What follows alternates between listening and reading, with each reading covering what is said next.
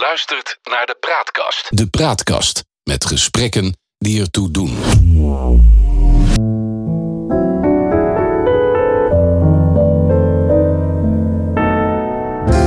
Welkom bij de Praatkast.nl. Dit is een aflevering van het Geheugenpaleis. Mijn naam is John Knerim en samen met Han van der Horst maken we deze podcast.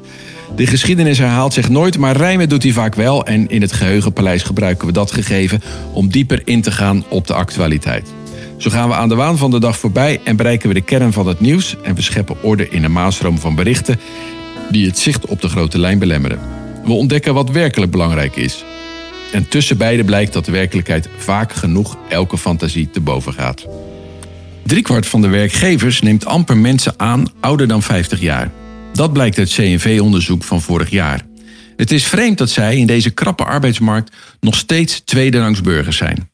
In deze tweedelige podcast onderzoeken we de ontwikkeling van de arbeidsmarkt door de jaren heen. Vandaag deel 2. Driekwart van de werkgevers neemt amper mensen aan die ouder zijn dan 50 jaar. Dat blijkt uit een CNV-onderzoek van vorig jaar.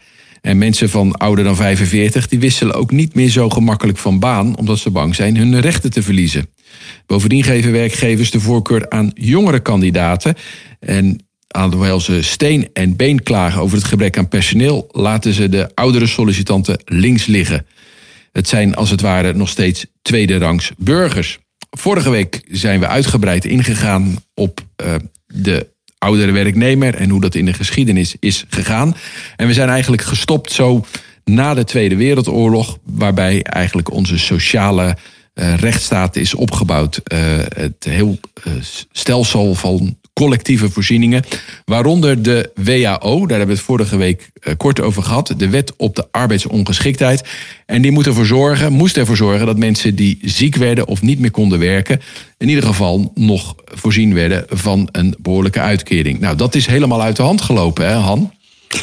Uh, ja, en dat is uit de hand gelopen toen er iets onverwachts gebeurde. Althans, iets onverwachts voor mensen die in de jaren 50 en 60 waren opgegroeid. En dat is de groei van de werkloosheid in de jaren 70 en 80. Uh, Nederland dacht dat die werkloosheid een, uh, iets van het verleden was. Dat had men overstegen. Maar de oliecrisis en de ondergang van de textielindustrie en de scheepswerven door de concurrentie van veel goedkopere ontwikkelingslanden, die had geen mens kunnen voorspellen in die tijd. Achteraf waren de signalen duidelijk en de werkloosheid groeide. Um, jonge mensen kwamen niet meer aan de bak. Uh, hoe kan je daar een noodverband voor leggen? Je kunt mensen vroeger met pensioen laten gaan, want dan vallen er banen open. Dat heette de VUT, dat is in de jaren 80 van de vorige eeuw ingevoerd. Vervroegde uittreding. Je kon op je 63ste al uh, ermee ophouden. Er waren nog veel riantere uittredingsregelingen als bedrijven gesloten uh, werden. Het was helemaal niet vreemd als je in de jaren 80 en 90 van de vorige eeuw zo met je 55ste met pensioen ging. Um, en dan gebruikte men ook de WHO, de Wet Arbeidsongeschiktheid, om mensen die ontslagen dreigden te worden, toch aan een eh, inkomen te helpen. En ja. het was ook niet zo moeilijk om in de WHO te komen. Ik zal uh, vertellen hoe mijn vader in de WHO kwam. Die kreeg een hartinfarct op zijn zestigste. En hij moest bij de keuringsarts verschijnen. En die, mijn vader legde uit: U hebt een, uh, ik heb een hartinfarct gehad. En uh, toen zei de dokter, sinds wanneer werkt u? Mijn vader zei, sinds mijn veertiende jaar. Toen zei de dokter, en wat vindt u daar zelf van? Ja. Toen zei mijn vader, ik vind het wel zat. Toen zei de dokter, ik ook, ik keur u af. Ja. En toen ja, heeft dat... mijn vader nog vijf goede jaren gehad... als in feite gepensioneerde... en op zijn 65ste kreeg hij de fatale hartaanval. Ja, ja dat was een... een een, een, een, verhaal wat je nu vertelt, wat denk ik heel veel, uh, veel voorkwam. Waarin eigenlijk zowel de werkgevers als de werknemers ook onder aanvoering van het kabinet. Wiegel en Van Acht, die deed knepen al. Iedereen kneep zijn ogen dicht en keek Ja. even de andere kant op. Ja, Lubbers, de premier, had beloofd dat als er een miljoen werklozen waren, dan zou hij aftreden. Dus hij je? gedogen dan Ja. alles. Nee, ar- nee werklozen. Arbeidsongeschikten waren niet werkloos. Dus dat was mooi. Die stonden Ja. niet in de lijst van de werklozen. Dat was een bijkomend voordeel voor de politiek van alle dag. En de vakbonden, de werkgevers en de regering hadden dus allebei allemaal voordeel bij. Ja, we hadden een collectief hadden we een pak boter op ons hoofd. Dat leidde ertoe dat eh, ja, de lasten eh, om dat uiteindelijk te betalen de pan uitrezen. En uiteindelijk is daar een halt aan toegeroepen. En het is tot op de dag van vandaag nog niet helemaal opgelost. Maar ja, die weg is eigenlijk eh, gestopt. Was Ja. natuurlijk ook volstrekt oneigenlijk gebruik eh, werd daarvan gemaakt. Daar moet je simpel over zijn dat het zo'n natuurlijk niet, niet kon. Maar goed, Ja. in die tijd was er weinig werk. Eh, en de ouderen werden of met de VUT gestuurd of de AOW. En daardoor konden jongeren aan de bak eh, eh, komen. Maar vanaf dat moment zijn de ouderen eigenlijk in het verdomhoekje komen te zitten. Ja, want in het begin van de 21ste eeuw werd duidelijk dat het op die manier geen doorgang kon vinden. Ik zeg aan het begin van de 21ste eeuw, eigenlijk al rond 1990, want toen is de WHO vervangen door een veel strengere regeling. En nu is het een ramp als je in de opvolger van de WHO, de WIA, terechtkomt. Want de kans is groot dat je bijvoorbeeld voor 40% wordt afgekeurd. Dan krijg je vanwege die, dat afgekeurd zijn een heel kleine uitkering. Maar zeggen dat je in de WIA zit en succesvol solliciteren, dat is natuurlijk geen combinatie. Nee. Ja, dus nu zitten we met een ander probleem. Er is een wet die jou geen behoorlijk inkomen geeft, maar je toch unemployable maakt. Ja. Ja, en tegelijkertijd geldt nog steeds dat een misbruik gemaakt wordt eh, van eh, deze regelingen. En mensen onterecht langdurig ziek zijn of wat dan ook. Eh, ja, hoewel dat tegenwoordig toch denk ik wel een stuk lastiger is eh, Ja. dan vroeger. Ik heb heel lang bij die organisatie waar ik voor werkte, de NUFIC, in de ondernemingsraad gezeten. En ik weet dus wel het een en ander over veranderingen in eh, het blikveld van bedrijfsartsen en zo. Ja. Nou goed, dat is eigenlijk een beetje een zijstap als we het hebben over de employability of de inzetbaarheid van de oudere werknemers. Ehm, want we zitten nu toch met een situatie dat er een enorm tekort is aan arbeidskrachten. Nog steeds oudere werknemers moeilijker aan een baan eh, eh, komen. Of eh, moeilijk naar een andere baan verhuizen. Wa- Wat, wat zou een oplossingsrichting daarvoor zijn? Wie ziek wordt, krijgt twee jaar lang zijn loon uitbetaald. Dat wordt gedaan door de werkgever. Dat kan een heel zware last zijn, vooral als jij een kleine ondernemer bent met twee of drie man personeel. Na die twee jaar kom je automatisch in het vizier van eh, het UWV terecht. En dan dreigt die via, waar ik het net over had, een eh, schale uitkering die je hoogst unemployable maakt. En bovendien, je wordt dan vrij automatisch ontslagen door je oude werkgever. Dat is een, eh, dat is een heel slecht systeem. Ik denk om te beginnen dat de overheid die ziektekosten op zich zou moeten nemen. Van die twee jaar voor, laten we zeggen, iedereen van 50 jaar en ouder. Dan heeft de werkgever die, het, die een oudere werknemer aanstelt, dat risico niet meer. Dat vergroot de concurrentiekracht van de oudere sollicitant. En dan kan de eh, werkgever tot een betere afweging komen. Want die oudere sollicitant heeft waarschijnlijk wel veel meer ervaring Ja. dan de jongere. En hij is geen risico als hij ziek wordt. Dat is met de jongeren wel het geval. Dat lijkt, nou, dan krijg je wat eerlijke verhoudingen. Dat zou in ieder geval enorm helpen, denk ik. Ja, er zijn overigens al veel regelingen om uh, wat oudere werknemers of, of mensen die ziek zijn natuurlijk weer aan een baan eh, te helpen. Waarbij ook de werkgever wat dat betreft relatief weinig risico loopt. Maar goed, dan gaan mensen uh, hebben misschien wat meer kans om een baan ja. te krijgen. De vraag is natuurlijk of zij nog voldoende kennis hebben. Ik heb het niet over ervaring. Kennis hebben om ja, in deze dynamische economie, waarin steeds nieuwe dingen gevraagd worden, mee te komen. Dat is toch een ander probleem. Dat is een ander probleem. En je kunt, denk ik, als oudere werknemer of als oudere, je dat ook niet zo makkelijk allemaal bijhouden, omdat het onderwijs in Nederland daar niet op gericht is. Uh, Bijna 30 jaar geleden moest ik voor mijn werk op Taiwan zijn. Je ziet, het was een mooi baantje. En ik interviewde daar rectoren van universiteiten enzovoorts. En ik vertelde, ik ging dus een vraag stellen. Het waren de jaren 90 paars kabinet. Aan zo'n rector van hoe het eigenlijk stond. Ja. Met de samenwerking tussen de universiteit en het bedrijfsleven. Die man zegt wat? Ja, wat bedoelt u? Is er nou het onderwijs relevant maken voor de mensen van het bedrijfsleven.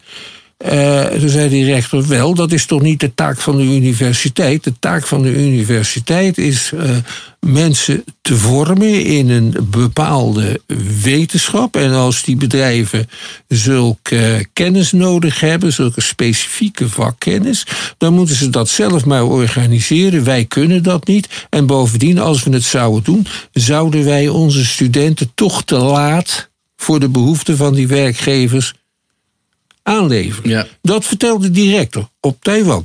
Uh, ik kwam verder terecht bij een productiviteitsraad. En uh, die legde mij iets anders uit. Die zeiden: de, Taiwan is een land van kleine ondernemers. 95% van onze ondernemingen heeft minder dan 200 werknemers. En de gemiddelde duur, de levensduur van een bedrijf is vijf jaar. Is, hoezo is dat? Nou, daarna zien de, zien de leiders een, uh, een lucratievere manier om aan geld te komen. Dus veranderen ze van branche.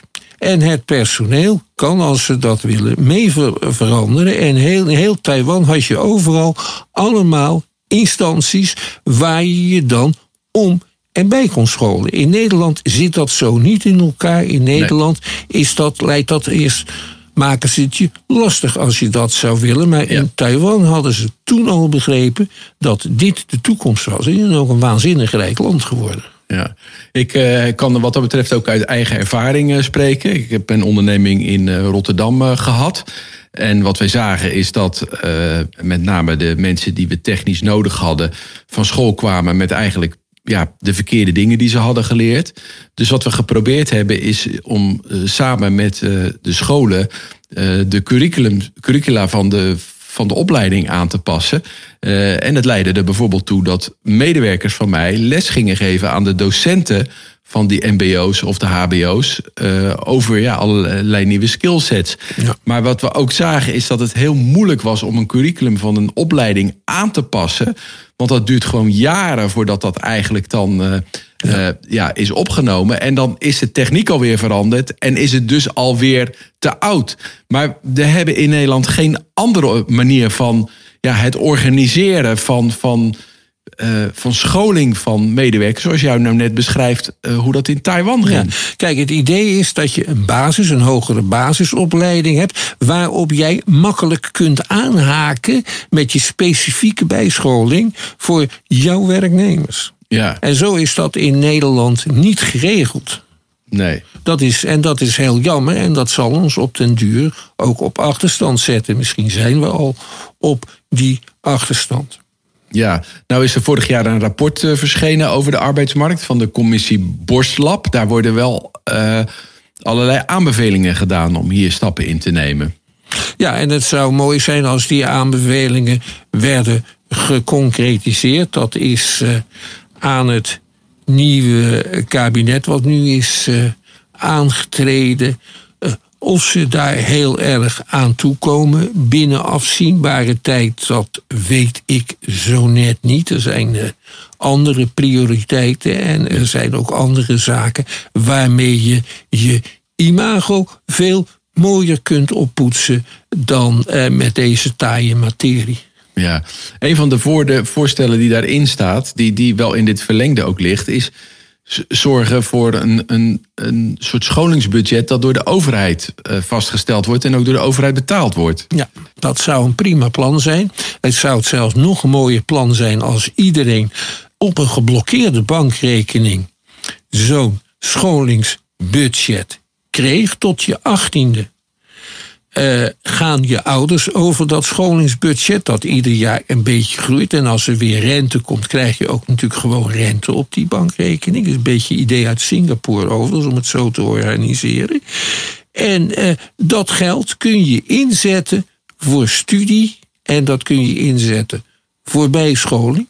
Nergens anders voor. Je kunt rood staan op die rekening als de opleiding wat duur is, maar wel relevant. Als je doodgaat, worden alle schulden kwijtgescholden. Maar als er nog een saldo op je rekening staat, neemt de staat dat ook terug. Dat lijkt mij een prima systeem. Ja, dus dat betekent dat. Uh, en dat is ook een beetje wel wat in die, dat, dat rapport van die commissie staat. Dat iedereen uh, dat uh, op die manier aan een soort ja, permanence d'éducation zou kunnen werken. En dat, uh, ja, en dat is ook wat je nodig krijgt in de snel veranderende maatschappij die wij, wij zien. Kijk eens aan hoe onze manier van werken binnen anderhalf jaar radicaal is veranderd. Ja. Je bedoelt uh, door de hele corona-pandemie uh, werken we allemaal thuis en zitten we te zoomen en noem ja, maar op. Ja. En dat gaan we ook blijven doen. Ja, dat zal in de toekomst mogelijk niet meer gaan veranderen. We weten wel dat we over een paar jaar weer andere skills uh, nodig uh, uh, zullen hebben.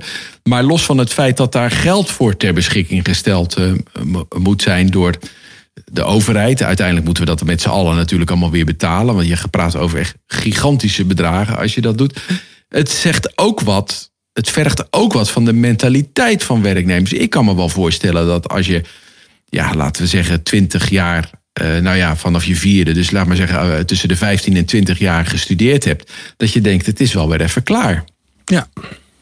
Daar zit ook wel een punt, toch? Daar zit ook een punt, maar de, uh, de drang van de tijd en de veranderende maatschappij zal ook verandering brengen in de mentaliteit. Nederlanders hebben in de 19e eeuw massaal geleerd dat ze op tijd op hun afspraken moesten zijn. En dat komt gewoon door de industrie met lopende banden en stoommachines. Als de stoommachine aangaat om s morgens om zeven uur, moet jij op je plek zijn. En niet om vijf over zeven, maar om zeven uur.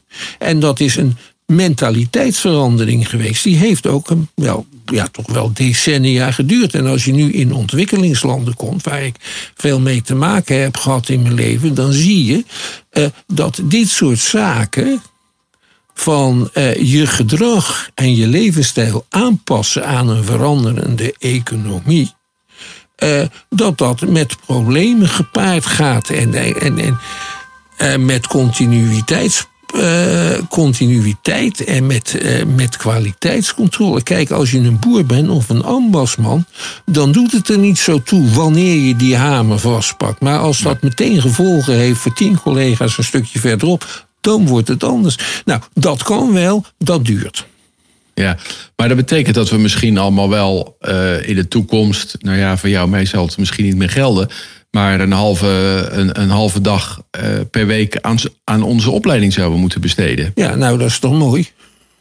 Dat is, hoeft helemaal niet, uh, niet slecht of saai of vervelend te zijn of bedreigend. Maar hoe zie je dat dan voor je? Voor mensen die uh, ook een gezin beginnen in het begin van hun twintigste. Ik weet niet of je wel eens een gezin gerund hebt. Ik toevallig wel.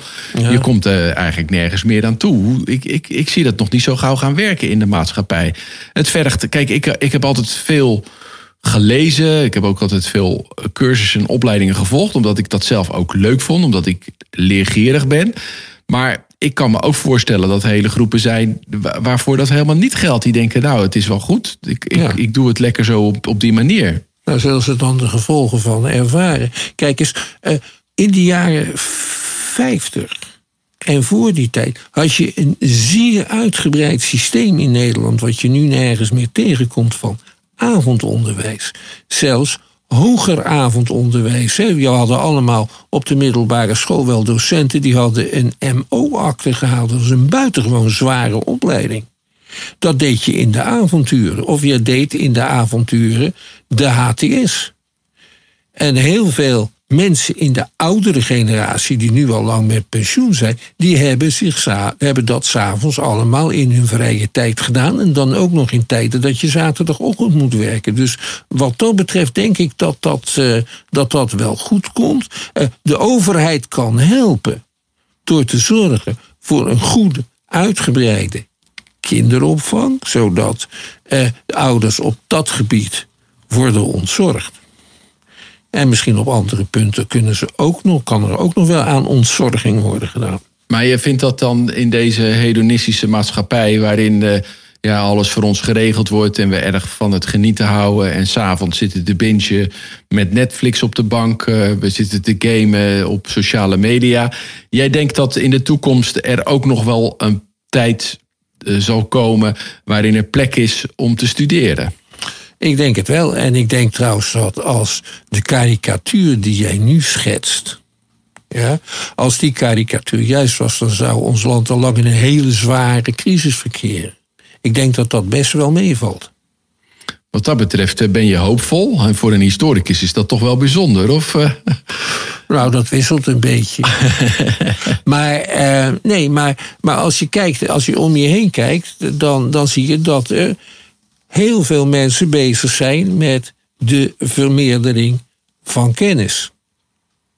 Ja? Er zijn ook mensen die zoveel verdienen in dit land dat je niet de hele week je te pletter hoeft te werken. En dat doen ze dan ook niet. Ik vind dat vooruitgang. Ja, ja, dat zie je met name bij de jongere generaties. Die zeggen: Ik wil gewoon drie of vier dagen werken. En, in die, en ook andere dingen daarin nog doen. Maar één ding is wel duidelijk: dat, dat als wij als, als westerse maatschappij, als Nederlandse maatschappij.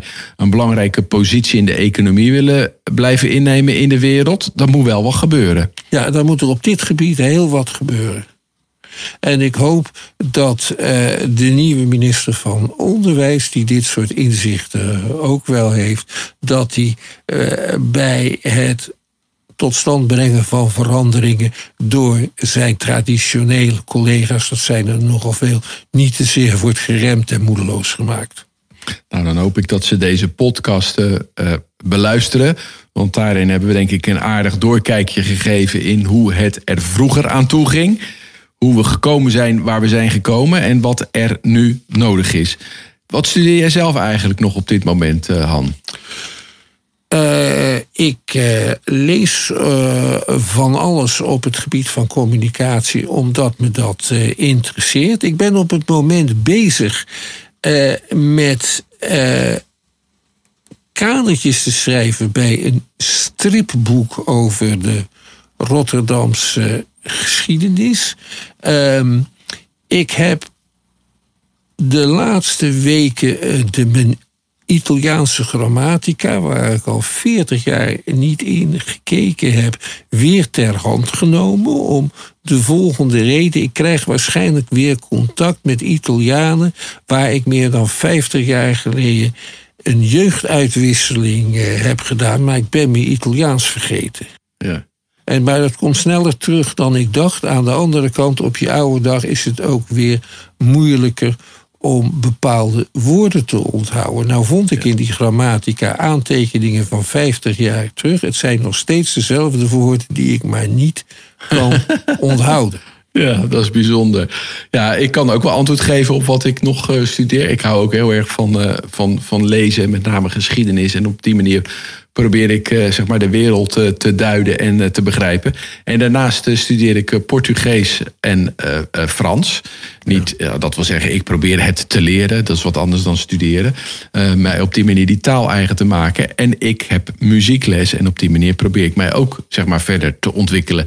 Dus het kan best dat je wat ouder bent. Dat je nog steeds eh, kan leren. En ik moet zeggen, ik beleef er veel plezier aan. En zoals jij erover spreekt, lijkt het ook alsof je er veel plezier aan Ja, beleeft. en aan de Vrije Universiteit bijvoorbeeld heb je het hoger onderwijs voor ouderen. Dat zijn allemaal zeer interessante cursussen op, eh, op allerlei gebieden die, die best goed worden bezocht. Dus wat dat betreft verdient de Vrije Universiteit één pluim. Ja. Nou, laten we met die hoopvolle woorden eh, deze eh, tweede aflevering eh, van de serie over eh, de wat oudere arbeidskrachten afsluiten. Tot zover eh, deze aflevering van Het Geheugenpaleis. Eh, abonneer je op onze podcast in je favoriete podcast-app. Dan krijg je automatisch een bericht wanneer een nieuwe aflevering online komt. En vertel je vrienden over ons en laat vooral ook een beoordeling achter, zodat we nog beter gevonden worden. Eh, wil je ons mailen? Dat vinden we leuk. Stuur een bericht aan info.praatkast.nl. En luister ook eens naar een andere serie bij de Praatkast. Bijvoorbeeld Max Autokast. Autojournalist Max Veldhuis spreekt met partijen die dingen net even wat anders doen of die juist bezig zijn met pionieren. Hij verwondert zich over wat er nu allemaal speelt in de autowereld, maar hij plaatst daar tegelijkertijd kanttekeningen bij. Nou, deze Praatkast-podcast is te vinden op de website van de Praatkast of in je favoriete podcast-app. Hij heet dus Max Autokast. Voor nu dank voor het luisteren en tot de volgende keer. Wees gelukkig, blijf gezond.